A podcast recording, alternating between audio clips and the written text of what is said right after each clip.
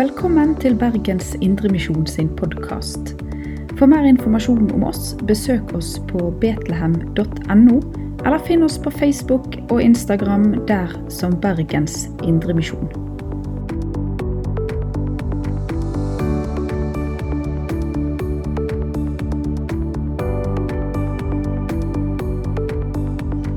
I dag skal jeg eh, tale over eh, søndagens preketekst, Matteus kapittel 16, vers 36 til 45.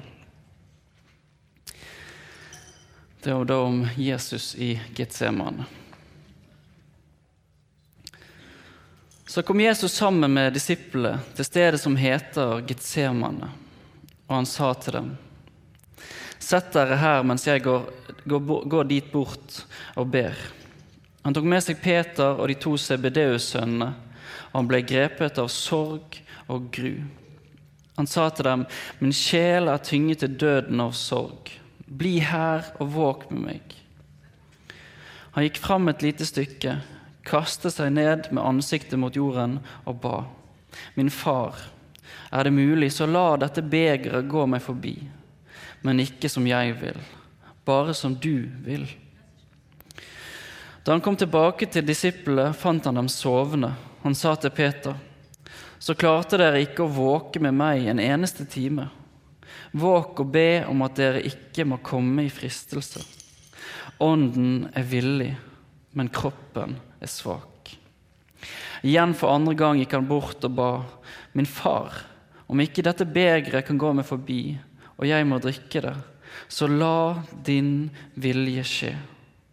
Da han kom tilbake, fant han dem igjen sovende, for øynene deres var tunge av søvn. Nå forlot han dem og gikk, bort, gikk på ny bort og ba den samme bønnen for tredje gang. Så kom han tilbake til disiplene og sa:" Dere sover og hviler fremdeles. Nå er stunden kommet da menneskesønnen skal overgis i syndehender. Skjermiske far, jeg bare takker deg for denne fantastiske teksten. Jeg bare ber om eh, hjelp til å kunne utlegge den i dag.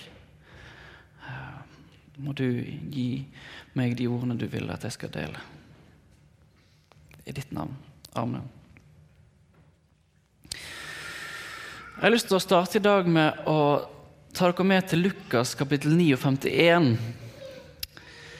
Ehm, for her leser vi Da tiden kom og Jesus skulle tas opp til himmelen, vendte han ansiktet mot Jerusalem.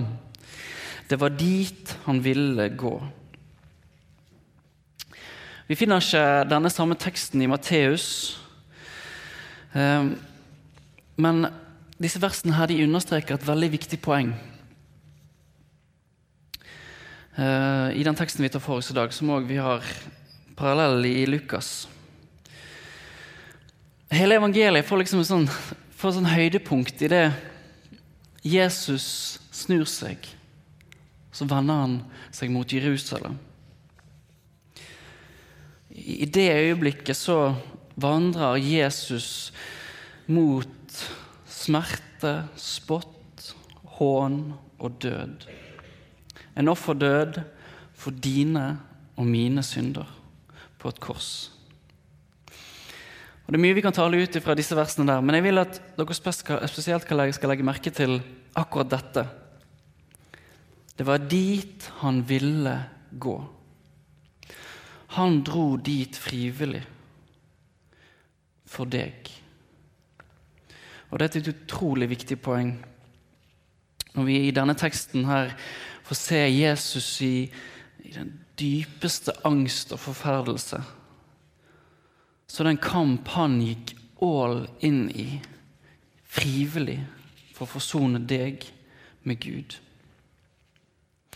I Matteusevangeliet så leser vi fra kapittel 21 om at Jesus rir inn i Jerusalem. Han, får, ja, og vi får være med på, på tempelplassen, hvor Jesus taler og rettleder og forkynner den død han skal dø. I de følgende kapitlene så forkynner han om kaller han til omvendelse og, og taler om dommen som skal komme. Han taler strengt i rette med de skriftlærde og fariseerne. I dette kapitlet vi tar for oss i dag, kapittel 26, så ser vi at det hele eh, fra prestene og de skriftlærdes side ender med en sammensvergelse mot Jesus. Men der en sammensvergelse ofte har den karakteren at den som er gjenstand for sammensvergelsen, ikke vet noe om han, så er Jesus fullt klar over hva som skal skje med han i Jerusalem. Vi leser i vers 2 at Jesus sier dere vet at om to dager er det påske, og menneskesønnen blir utlevert for å bli korsfestet. Og Så i de følgende hendelsene så blir Jesus salvet til sin gravferd i Betania hos Simon den spedalske. Og så blir vi fortalt om Judas som, får, som uh, utleverer Jesus og går inn i en plan med øverprestene for 30 sølvpenger. Så leser vi om det siste måltidet, om innstiftelsen av nattverden som vi skal få lov til å feire her seinere. Og så er påskemåltidet over. Og Jesus tar med disippelflokken sin, minus Judas. Han var nå på vei for å samle overprestenes vakter og fange Jesus. Men det, det er kveld, det går mot natt. Og Jesus tar med disippelflokken sin, over en bekk som heter Kedron, og inn i hagen som heter Getsemane. Så lar han en gruppe av disipler eh, sitte igjen, mens han tar med Peter og Johannes og Jakob, Sebedeus-brødrene, så går de et lite stykke videre. Og det er litt spesielt, for det var disse tre som bare en liten tid i forveien hadde fått sett Jesu herlighet bli åpenbart for dem. Men her så får de et møte med hans menneskelige angst. Han betror seg til dem at han er opprørt. Han sier til disiplene sine jeg, jeg er tynget til døden av sorg. Jesus han refererer her til en salme, salme 42 og 43. Og Det er salmer som uttrykker tillit til Gud. Eh, og det er et viktig poeng. Eh, det er tvilen og fortvilelsen som griper om han. Men det er ikke et problem han har med Faderen. Han kommer til Faderen i bønn. Jesus ber eh, disse tre om å våke med han. Og Det er et viktig apropos til oss i dag. At i angst og depresjon så er det nettopp det vi behøver. Støtte og hjelp av de som står oss nærmest. Det er en oppfordring til de som har det vondt, til å betro seg til sine brødre og søstre i troen. Og så er det et kall til oss i kjærlighet å stå sammen med hverandre. Og be for hverandre og våke over hverandres ve og vel. Men det som er viktig å få fram Jesus gikk frivillig i møte med det som skulle komme. Med korset døden og mørket. Denne verdens fyrste. Det var dit han ville gå. Eh, og det som skjer i hagen her eh, Vi får ikke det så klart til uttrykk i Matteus, men i Lukas kapittel 22, 53, så, så sier Jesus men dette er deres time. Nå er det mørket som har makten. Og I Johannes evangelium kapittel 14 vers 30 så sier han «Ehm, jeg skal ikke si mye til dere etter dette, for verdens fyrste kommer. Her i hagen skal vi se hvordan hele verdens mørke trenger seg på Jesus. Vi leste i leseteksten i dag i breerne om hvordan Jesus ble prøvet i alt eh, uten synd. Jeg vet ikke om det er akkurat det som sto i leseteksten, men det står i hvert fall rett før. Eh, vi vet at Jesus ble prøvet i fasten, i ørkenen. Men her i hagen så kjemper Jesus mot hele verdens mørke. En kamp som ingen menneske er i stand til å bære. Her kjemper Jesus all in for deg. Og vi ser hvordan det tærer og river i Jesus sjel. Han gikk et lite stykke fram, kasta seg ned på jorden. En, eh, et uttrykk for den fortvilelse og ydmyke bønn til Gud han kommer med. Han ber min far, er det mulig, så la dette begeret gå meg forbi. Og begeret her, det er det han må tømme av lidelse og død. Som vi leser i Hebreerne 5,7, eller leste, så ba han fram bønner og nødrop med høye skrik og tårer. Og I Lukas leser vi om en angst som så sterk at svetten rant som blod. Mørket, angsten og lidelsen bare river imot han og i han. Men til tross for alt dette så er Jesus der på marken frivillig. Frivillig for å gi sitt liv som løsepenge for deg. Han ber inderlig om at den smerte som nå venter, sjelelig, fysisk og åndelig, nå når han bærer verdens synd og straff opp på korset Om det skulle være mulig, så la det gå meg forbi. Men Jesus er all in. Han ber. Men ikke som jeg vil, bare som du vil. Som står i Jesaja 53. Men han ble såret for våre lovbrudd, knust for våre synder. Straffen lå på han. Vi fikk fred, og ved hans sår ble vi helbredet. Her ligger han, knust, nedbrutt og i angst. Jesus han, han ber denne bønnen tre ganger. Og To ganger så kommer han tilbake til sine venner som han så sårt trengte i denne situasjonen. Men begge ganger klarte de ikke å våke med han.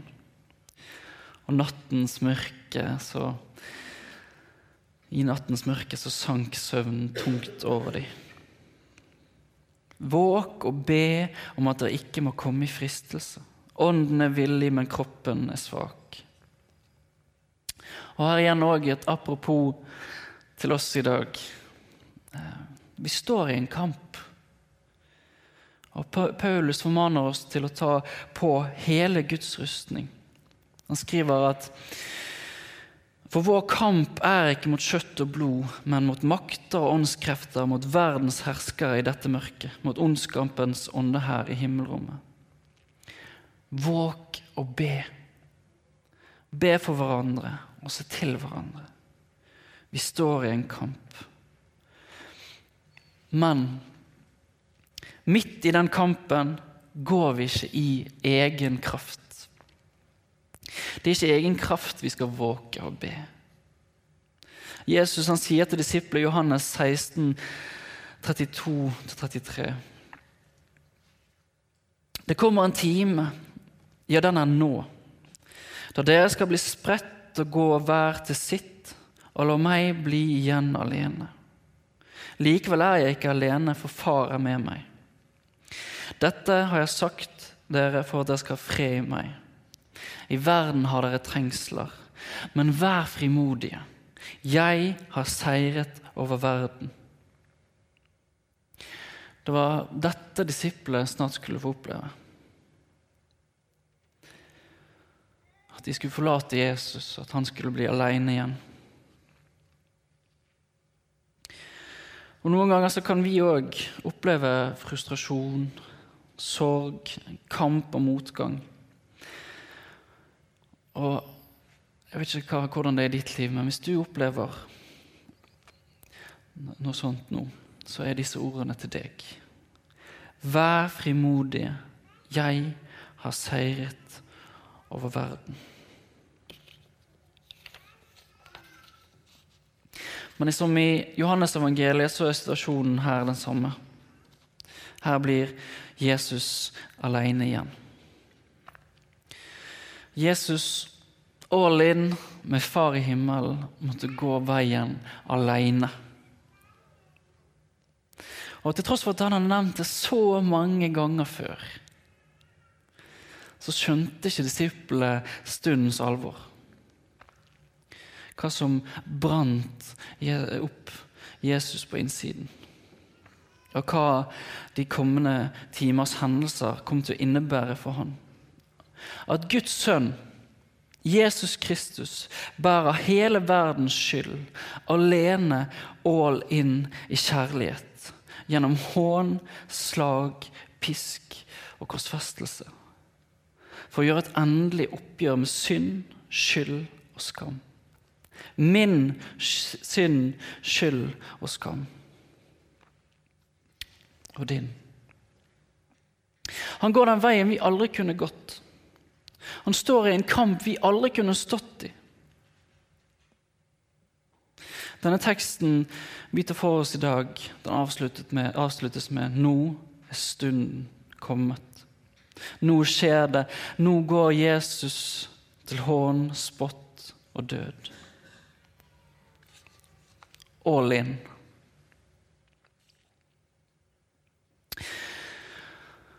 Vi snakker i teologien om eh, Jesu aktive og passive lydighet. Eh, hans aktive det er det, det fullkomne livet han lever i fullkommen kjærlighet. Og det passive eh, er det at han som et lydig lam føres fram som offer for hele verdens synd. Og I begge tilfeller så får vi lov til å ta del i hans rettferdighet. Hans rettferdige liv, hans rettferdige offer. Og ved troen så får jeg hans rettferdighet. Og han min synd og skyld. I dag så får vi spesielt se Jesu aktive lydighet. At han aktivt levde et liv vi ikke er i stand til å leve. At han aktivt tok den kampen med mørket som vi ikke klarer i oss sjøl. Og vi får hvile i hans all in.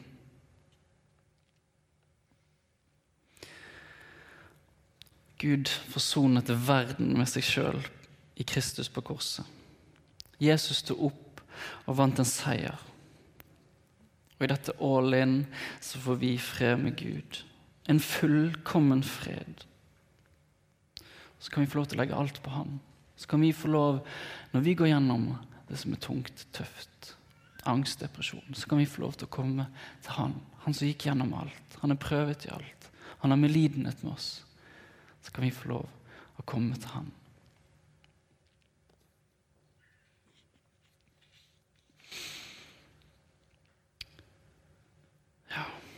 Alt er oppgjort i hans seier og i hans liv.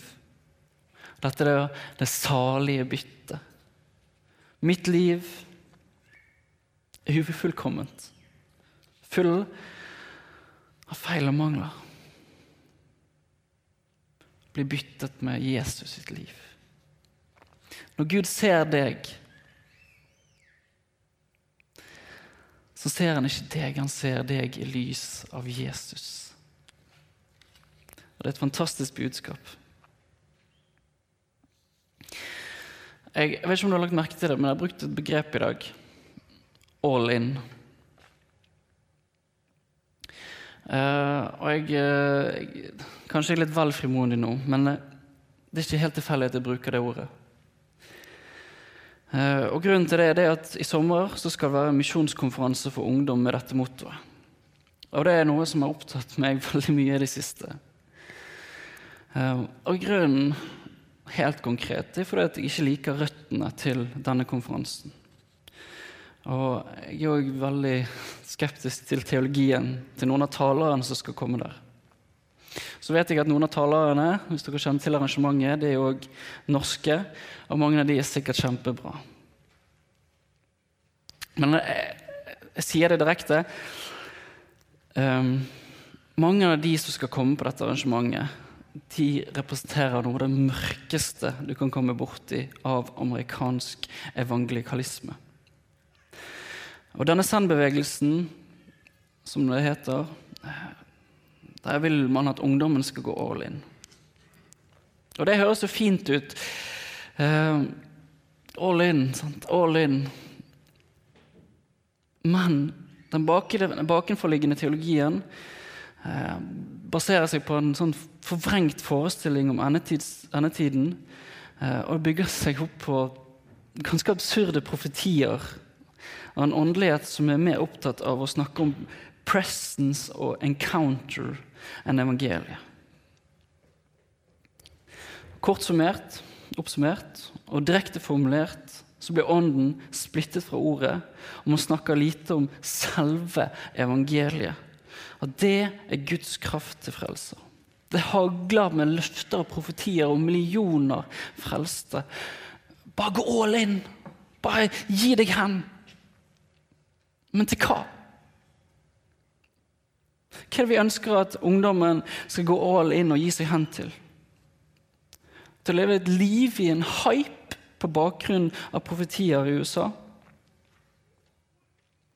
Og Jeg vil bare bruke anledningen på bakgrunn av den teksten med Jesus i Getsemane. Det er at Spørsmålet om du er all in, blir ikke besvart avhengig om du svarer ja på det spørsmålet. Ditt svar på om du er all in for Jesus, det bror seg utelukkende på om du har en forståelse av hva det innebærer at Jesus gikk all in for deg.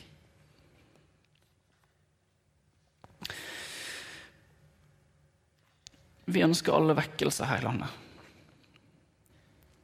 Og denne Zen-bevegelsen snakker mye om vekkelser. Og vi, vi ønsker at alle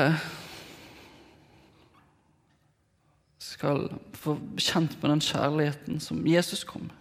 Den som vi har fått blitt kjent med av. Og som vi får se komme til uttrykk her i Getsemane, når Jesus er flat på marken for deg. Men jeg vil bare si det, og jeg tar med den frihet. Med forbehold om noen taler, eh, talere på Descend i Norge, så kommer det de formidler, bare til å ende med tomhet og skuffelse. Og jeg, jeg, jeg har så lyst til at ungdommen, hvem som helst, alle vi møter, om du er her for første gang, så håper jeg at du kan få kjenne denne Jesus som gikk all in.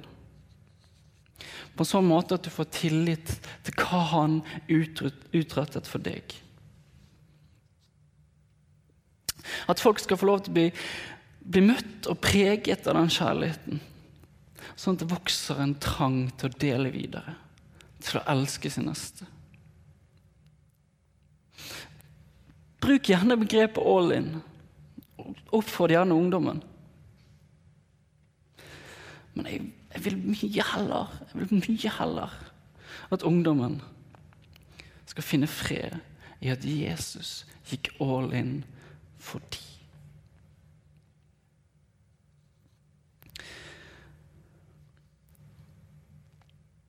Jeg eh, har nevnt tidligere når jeg har talt her i Betlehem. Um, i, I Bibelen så snakkes det om to typer rettferdighet. Og Den ene rettferdigheten handler om vårt forhold til Gud. Her kan ikke du gjøre noen ting. Her ordner Gud alt Jesus Kristus. Det handler utelukkende om tillit til Guds nåde som tilgir synder for Kristi skyld. Så det er en annen type rettferdighet. Det er den han kaller deg til å leve ut i møte med din neste. I familien din, i møte med konen eller mannen, barna, foreldrene dine. Han du møter på butikken. Og Her skal du få lov til å leve et liv i rettferdighet. Du blir kalt til det. Du blir kalt til et liv i etterfølgelse. Og Det, det høres kanskje litt random ut at jeg putter dette inn her nå, men litt tilfeldig. Men Gud kaller oss til et liv i etterfølgelse. Men det er kraften av hans oppstandelse at vi får kraft til å leve dette livet. Ikke i mitt all in, men i hans all in. Et hverdagsliv i etterfølgelse han som lå der. Tynget, tynget til døden av angst. Svetten som rant som bloddråper ned på jorden. Der var han, i en kamp vi aldri kunne kjempet i en angst vi aldri kunne båret. Og straffen ble lagt på han. I disse mørke nattetimene går i møte med alt han skal gjøre for deg. All in. Alt han ber. Din vilje, bare som du vil.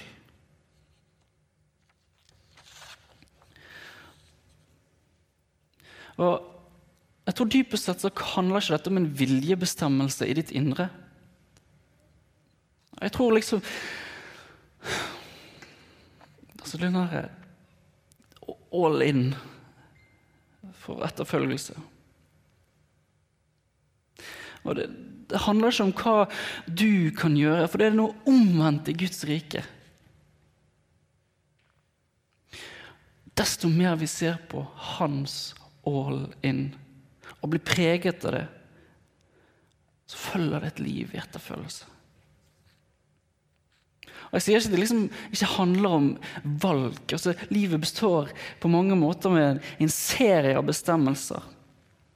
Men det handler ikke om din bestemmelse, det handler om hans bestemmelse.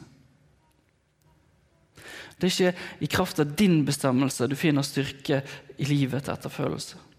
Det er kraft av hans bestemmelse. Ja, livet i etterfølgelse stiller oss på valg daglig. Og dine valg er jo ikke overflødige i møte med de neste. Og vi er kalt, som vi leste i leseteksten, til å adlyde.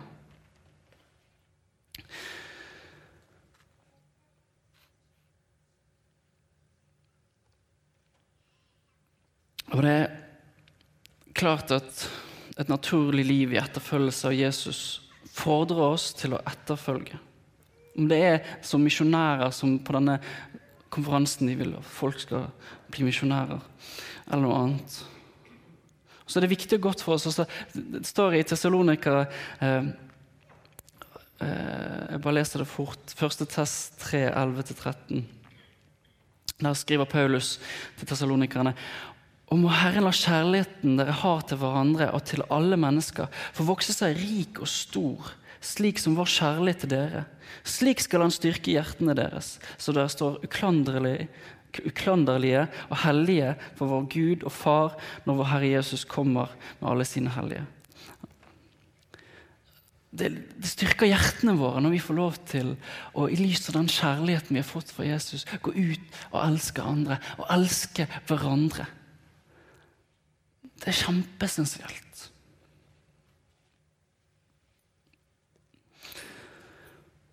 Det er viktig, og det er godt for oss.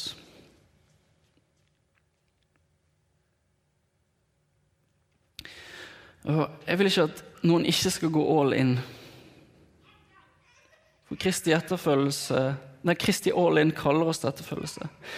Men, og dette er poenget mitt, og jeg prøver å liksom dunke inn her det er hans all in som gir styrke til livet i etterfølgelse, ikke din viljesbestemmelse.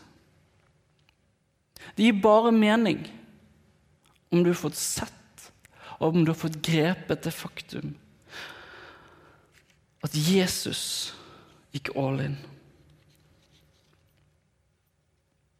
Og det er evangeliets kraft vi får nåde og styrke til et liv i etterfølgelse.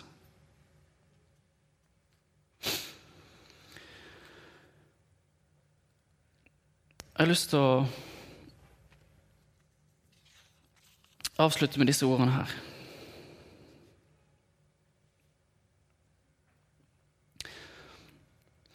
Når Jesus her i Getsemane ba med høye skrik og tårer, var han all in for deg.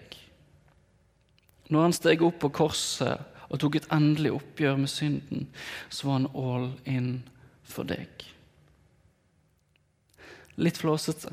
Men når Jesus var all in i graven, var han etter tre dager all out. Oppstått som seierherre over synd, skam og død. Min synd, skam og død. I hans all in er alt blitt all right. Og vi kan få lov til å være righteous, rettferdig, ha fred, fred med Gud. Skjermiske far, jeg bare takker deg for at du sendte Jesus til oss. Takker deg for den kampen du sto i Jesus i Getsemane. Den kampen jeg ikke kunne stått i, så ingen andre kunne stått i. En kamp i angst, forferdelse, en kamp mot mørket. Takk, kjære Jesus, for din all in. Og takk, takk for at jeg får lov til å hvile i ditt all in. Så ber jeg deg, gode Gud, om at, at vi må få lov til å bli preget av ditt all in. Av din kjærlighet på sånn måte at det vokser fram et liv i etterfølgelse. Der vi kan få lov til å elske hverandre på den måten du har kalt oss til. Jeg ber om det i ditt navn. Amen. Du har lytta til Bergens Indremisjon sin podkast. For mer informasjon om oss, besøk oss på betlehem.no, eller finn oss på Facebook og Instagram der som Bergens Indremisjon.